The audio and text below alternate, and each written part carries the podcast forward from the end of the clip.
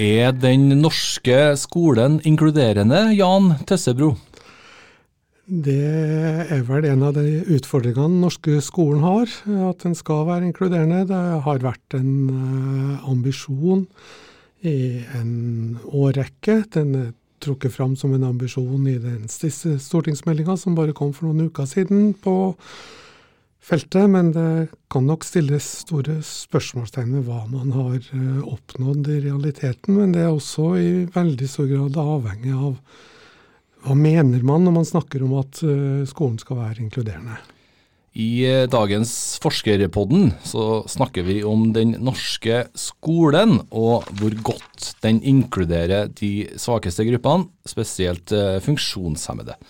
Navnet mitt er Vegard Smevold. Forskerpodden er NTNU Samfunnsforsknings egen podkast. I dag sendt fra splitter nytt studio på Dragvoll i Trondheim.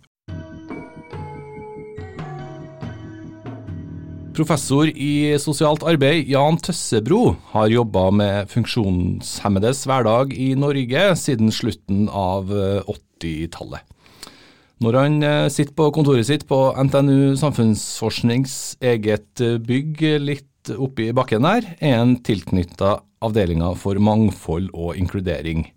Så det skal ikke være noe i veien med kunnskapen hos eh, Jan Tøssebro.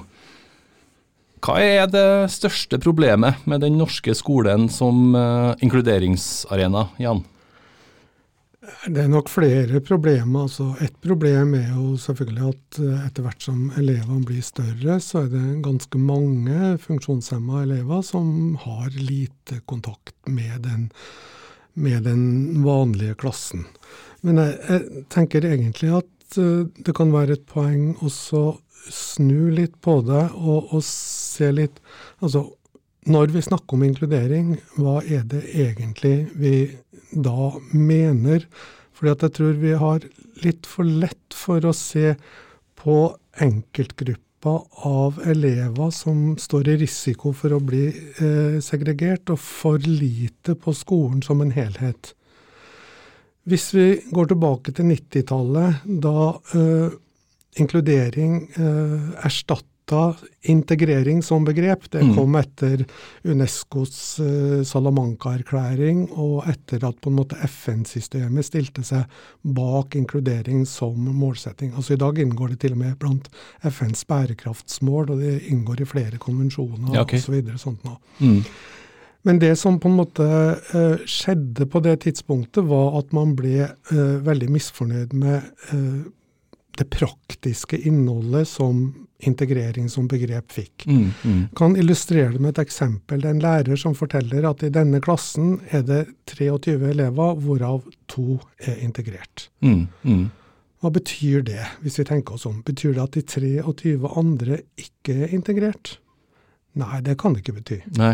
Eh, det betyr snarere at de 23 andre er der som en selvfølge. Mens de to siste, der er det ikke en selvfølge. Sånn at det betyr potensielt segregert, eller det viser til segregering, og at disse godt kunne vært segregert. Det er egentlig akkurat det samme som skjer som rundt toleranse. Hvis jeg sier til deg at jeg tolererer deg, så sier jeg egentlig at det er noe gærent med deg, eller at det er noe avvikende med deg. Ja, riktig. Mm. Men at fordi jeg er så snill og flink, så lar jeg meg på en måte ikke merke med det. Så det som på en måte skjedde, var at integrering ble et navn på noen elever som kanskje ikke hørte til. Det var den ene grunnen til at man ville bytte ut ordet. Eh, den andre grunnen til at man ville bytte ut ordet, det var uh, egentlig parallelt med diskusjonen om hvordan forstår vi funksjonshemming. Mm, mm. Uh, Forstår vi funksjonshemming som en egenskap ved en person, f.eks. den som ikke kan gå, som derfor bruker rullestol, eller forstår vi det som en egenskap ved omgivelsene til vedkommende, altså bygninger som krever at du skal gå for å komme inn, bygninger som er utstyrt med trapper osv. Så og sånt nå, eh, handler ikke funksjonshemming like mye om de omgivelsene som vi lager oss, og som gjør at personer som ikke kan gå, blir funksjonshemma. Eh, hvis du oversetter det til skolen, mm, mm. så skal liksom fokuset være mindre på den enkelte eleven og du, hvor du plasserer eleven, men snarere hva du gjør med skolen som helhet. Med omgivelsene. Og det kan du si at der Det skulle inkluderingsbegrepet bety, men så har det en litt sånn dobbelthet i den forstand at på ett vis så bruker vi det om elever som er, står i risiko for å bli plassert utafor. Mm, mm. eh, men så skal det også være et program for endring av skolen som helhet, og med fokus på skolen som helhet. Og da vil på en måte det med at en del elevgrupper segregeres, tas mye ut av klassen, plasseres i spesialklasser, eh, plasseres på spesialskoler, det vil på en måte være en indikasjon på at her har vi ikke gjort det vi skal med skolen. Mm, mm. Fordi du kan liksom ikke vente at å bestemme at du skal flytte en elev fra en spesiell ordning og inn i den vanlige skolen, at det skal funke uten problemer, hvis ikke du også gjør ganske mye med den vanlige skolen for at det skal funke. Ja, riktig. Vet du noe om hva en sånn flytting gjør med de her elevene? Hvordan går det inn på dem, for å si det sånn? Nei,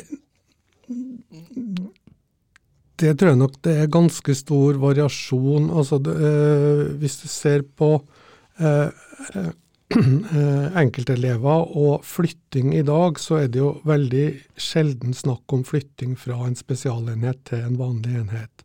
Det er mye oftere snakk om en flytting fra den vanlige enheten og mm, mm. Til, en, til en spesialskole. Uh, historiene som fortelles er egentlig ganske sprikende. Ja. Uh, veldig mange er fornøyd med flyttinga, så de oppfatter at de får et mer sosialt miljø, de kan slappe av mer, de, eh, mindre utafor og sånne ting. Mens andre opplever det å bli plassert utafor som et veldig sterkt signal eller symbol på at dem hører egentlig ikke til.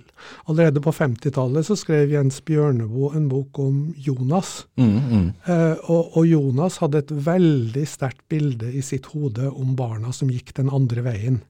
Det var barna som gikk til spesialskolen.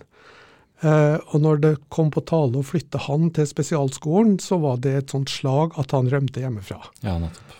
Eh, jeg vet ikke om du husker den boka. Men, jeg har ikke, har ikke den så godt i minne. Men, eh. men, eh, men, altså, det er elever i dag som forteller at det verste i skolen, eller unge voksne som forteller at det verste var å bli plassert utafor klassen.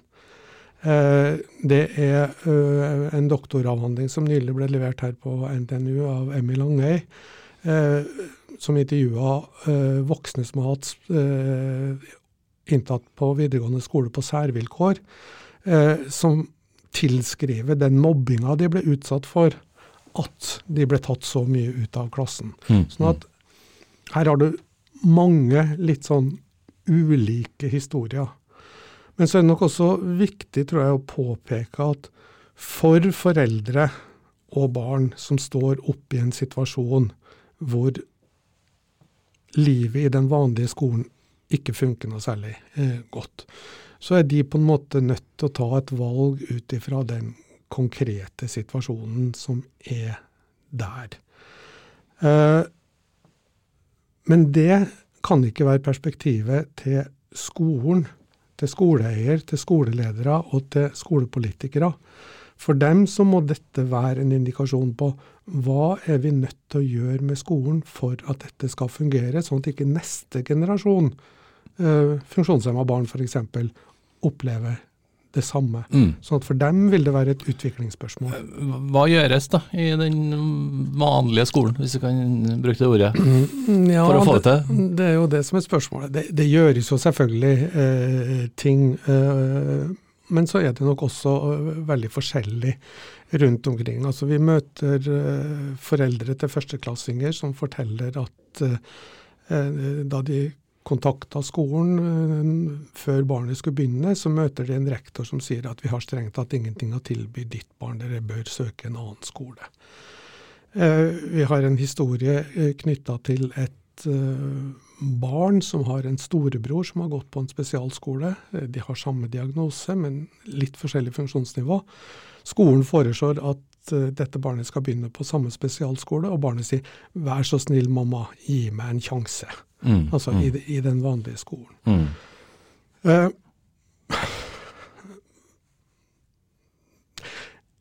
hva som gjøres Altså eh, Andelen barn som fikk spesialundervisning i Norge økte ganske kraftig fra 2003 til 2010. Ja, riktig. Eh, som egentlig betyr at det ikke gjøres nok, da? Som har flata. Mm. Ja, det er vanskelig å oppfatte det på en annen måte enn ja. at det gjøres lite, mm. og at det kanskje også gjøres mindre enn før, fordi at i den perioden så var det et veldig sterkt politisk trykk på at Norge må gjøre det bedre på PISA-testene. Eh, prestasjonsnivået eh, i basisfagene må opp og sånt noe. Etter den tid så har jo politikken endra seg ved at det har blitt mer fokus på de som eh, ikke klarer seg så godt i skolen. Og at eh, vi er nødt til å gjøre mer for at alle skal være, eh, være med. Men det er likevel en indikator på at spesialundervisning, det å ø, ta barn ut av klassen, ta de ut i spesialklasser, at det fungerer som en slags sikkerhetsventil i skolen. I stedet for å gjøre noen ting med skolen, så prøver man å skille dette ut, sånn at det blir en slags sånn beskyttelsesmekanisme. Ja, riktig. Hva, hva ønsker foreldre, da? Eh, har du noe tall på det? Eh, vi har for så vidt noen slags tall på både hva foreldre og barn ønsker. Altså Det barn svarer er ofte at jeg vil gjerne gå i en vanlig klasse, mm. men helst en klasse hvor det er flere med samme funksjonshemming som meg. Eh, de fleste foreldre ønsker seg jo fra starten av en vanlig klasse, men etter hvert som det funker dårlig, så vil de jo ønske eh, endringer. Men jeg tror også at på et vis er det jo et rett spørsmål hva ønsker barn, eh, hva ønsker foreldre. Men det vi ser veldig tydelige spor av, er at her er det tilbud som bestemmer etterspørsel, og ikke omvendt. Vi ser en mye større grad av segregering på det sentrale Østlandet enn i resten av landet, og der har du også et mye større tilbud av eh, spesialordninger. Ja. Mm. Eh, sånn at, eh, og vi, hvis du tenker deg en liten kommune med én eh, eller to skoler, så vil de på en måte på den ene sida vil de ikke ha muligheten for å etablere spesialklasser og spesialklasser, eh, skoler. Men på den andre sida så vil de da også ha mye sterkere motivasjon til å gjøre noe med skolen, eh, sånn at den fungerer for alle. Og For en del av de skolene så hadde de jo på 60-tallet erfaring med å undervise barn fra første til sjuende klasse i samme klasse. Mm, mm. Sånn at, altså, det er jo ikke sånn at vi er uten erfaring med å undervise elever med ulik bakgrunn og med ulik, uh, på en måte, ulike mål for hva de skal lære. Nei, sant. Eh, ofte er det en god øvelse å sammenligne oss med nærliggende land. Eh, hvordan er det i Sverige og Danmark, vet du noe om det? Eh, ja, og mye av det samme skjer der. Du kan si at Danmark har jo alltid hatt en tradisjon for å segregere flere enn Norge har hatt. Sverige segregerer færre enn Norge, men det svenske systemet er så annerledes enn det norske, fordi at det skal mye mer til for å få et uh, vedtak om spesialpedagogikk i Sverige. Plassering i spesialskoler eller spesialklasser. Det kom jo da nylig en uh, stortingsmelding om det her. Uh, den heter Tett på tidlig innsats og inkluderende fellesskap i barnehage, skole og SFO. Har du fått lest uh, hele, Jan? Uh, ja, men kanskje litt raskt. raskt. ja, kjent, Du har i hvert fall skumma gjennom. ganske tidlig i meldinga, hvor da Kunnskapsdepartementet og regjeringen Solberg er avsender, så hevdes det at ikke alle barn og elever får den hjelpen de trenger. Mange får hjelp for sent og møtes med for lave forventninger.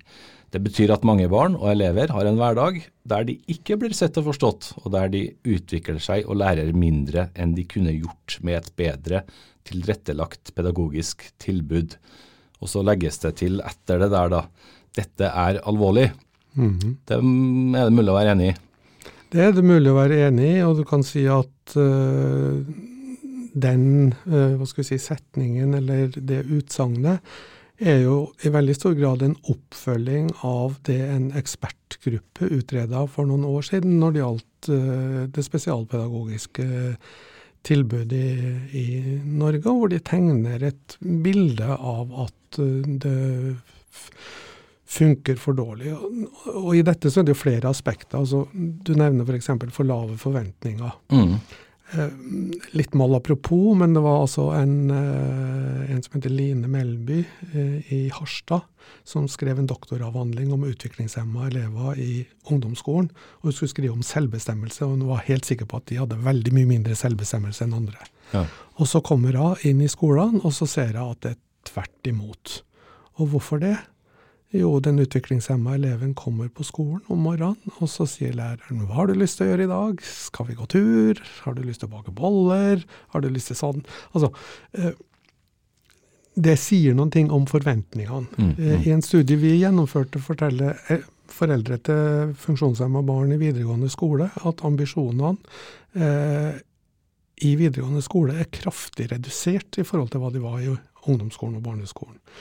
Så det er på en måte forventningsaspektet oppi det. Og så har du inkluderingsaspektet og det at så mange får eh, en spesialundervisning som medfører at de tas ut av klassen, istedenfor å få spesialundervisning kobla på den vanlige, eh, eh, vanlige klassen. Altså Den samme meldinga eh, konstaterer at en viktig utfordring det er at det i dagens skole er veldig få insentiver for å utvikle skolen i en mer inkluderende retning. Mm, mm. Jeg, tenker jo at det er veldig alvorlig da, når eh, den norske eh, regjering sier at ikke alle barn og elever får den hjelpen de trenger. Mm. Er ikke det veldig alvorlig? Jo, jeg er enig i det. Hvorfor har det blitt sånn? Nei Dette har jo vært utfordringa i en årrekke. Eh, Det har nok vært en tendens til at eh, hver gang man fra sentralt politisk hold skal ta tak i den utfordringa, så har, eh, har de tatt det i veldig stor grad som en utfordring for støttesystemet, altså PP-tjenesten, Statped, de statlige spesialskolene, og i veldig liten grad gått inn i hva skal vi gjøre med den vanlige skolen. Mm. For en inkluderende skole handler om møteplassen, samvirket mellom eh, spesielt tilrettelagte tiltak og den vanlige skolen. Og det krever noen ting både av måten du gir spesielt tilrettelagte tiltak, men det krever også noen ting av arbeidsformen i den vanlige skolen. Og det er nok der man på en måte eh, ikke har klart å få høl på nøtta, for å si det sånn. Jeg har jo lest bare innledninga, der det slås fast at eh, det er en jobb å gjøre. Eh, Hva står det ellers i meldinga som du fikk eh, bakoversveis av? Nei, jeg fikk ikke så mye bakoversveis. Altså, ambisjonene og sånt nå eh, har de jo på en måte eh, er de samme som vi skisserte innledningsvis her. Altså, de har relativt høye ambisjoner for hvordan spesielt spesialpedagogikken skal fungere, eller spesi spesialundervisninga skal fungere, at skolen skal være inkluderende osv. videre sånt noe. Eh, tiltakene som er retta mot å oppnå mer der, er nok i første rekke tiltak som går på øh, en kritikk som har vært hevda ganske lenge knytta til kompetansen til de som jobber med det. Altså at det brukes altfor mye assistenter, altfor Mm, mm. lite krav til kompetansen til lærerne, de, øh, som de vil skjerpe inn. Og de vil også skjerpe inn lærerutdanninga, altså at lærerutdanninga er nødt til å på en måte gi mer eh, til hva skal vi si Hvis vi så For noen år siden så hadde Aftenposten en undersøkelse hvor de intervjua nyutdanna lærere. Eh, hva var deres hovedutfordring? Og da var det ikke at jeg var for dårlig i matematikk eller norsk eller engelsk. Det var at jeg hadde ikke noe repertoar, hadde ikke hatt noe opplæring i forhold til hvordan møte en så mangfoldig elevgruppe som norske barn er. Uh, og da gikk det både for så vidt på spørsmål kobla opp mot innvandring, men det gikk vel så mye på spørsmål kobla opp mot barn med spesialpedagogiske behov, barn med atferdsvansker, barn med funksjonshemminger osv. Så sånt noe. Men det du kan si at det, skuffelsen til meldinga, mm, mm. Uh, i meldinga er vel at de starter ut ganske tidlig med å si at her har skolene for få insentiver til å lage en mer inkluderende skole. Uh, jeg leser jo det også da som at det er litt for lett å bruke spesialundervisninga som sikkerhetsventil. Mm, mm. Men jeg finner egentlig ingenting som er nye insentiver eller krav til skolene for at de skal utvikle seg i en mer inkluderende retning. Det er en, en del på kompetanse, Uh, og det er litt på lærerutdanning, og det er for så vidt en del ting på en god del andre ting også. Men dette med sånn å få lagt inn tunge insentiver i måten skolen opereres, opererer på for å få gitt dette en mer sentral plass, de har jeg vanskeligheter med å finne. Mm, mm. Mm. Eh, du har jo forska på det her eh, mange år sjøl, og NTNU samfunnsforskning kom nylig med en rapport som heter 'Inkludering på alvor'. Mm -hmm. Hva er det dere eh, legger fram der? ja, jeg har ikke vært så veldig mye inn i den rapporten, men den rapporten er jo en eh, vurdering av eh, en del modellforsøk som gjøres eh, for å se Eh, hva skal vi si, eh, hvor kommuner prøver ut ulike ting for å se om det på en måte kan bringe inkludering et skritt, eh, skritt framover. Det var en sånn første delrapport, eh, sånn at resultatene der kan forskyve seg utover i, i prosjektet. Mm. For den handler ikke bare om skolen, sant? Uh, nei, det, det, er litt utvida skole. Ja. Den handler om barn og ungdoms oppvekstmiljø ja, og et inkluderende oppvekstmiljø. Men du kan si at det, Hvis vi går tilbake til noe av det vi snakka om først, så er det jo der vi på en måte prøver å få diskutert ordentlig hva er det faktisk vi legger i dette uh, med inkludering. Uh, og at det ikke primært handler om hvor du plasserer enkeltbarn, men at det handler om hva gjør du med skolen som helhet, sånn at den på en bedre måte skal møte de som har litt lett for å falle utafor. Du har 30-40 års arbeidserfaring på feltet. 30 i hvert fall? Ja, 30 pluss. Hva er Jan Tøssebros eh, beste tips, da? Nei, du vet, Jan Tøssebro sitter jo på universitetet, og det er jo lett å sitte på universitetet og kritisere det som uh, ikke fungerer. Det er ikke veldig lett å si akkurat hva de som har skoa på, hva de gjør feil. Men jeg må jo innrømme at eh, jeg var inne i et prosjekt som Statped, altså det statlige pedagogiske støttesystemet, hadde for noen år siden, som het Vi sprenger grenser. Og der møtte jeg noen uh, lærere uh, som, uh, som fortalte om hva de gjorde, bl.a. en matematikklærer i ungdomsskolen, og hva han gjorde for å undervise utviklingshemma elever i matematikk sammen med resten av klassen. Og da ser du jo hva en entusiast kan klare å få til. Uh, og hvis jeg skal si litt mer om akkurat det samme, så gjorde vi for noen år siden en gjennomgang av uh, kunnskapsoppsummeringa av eh, tiltak for å undervise utviklingshemma.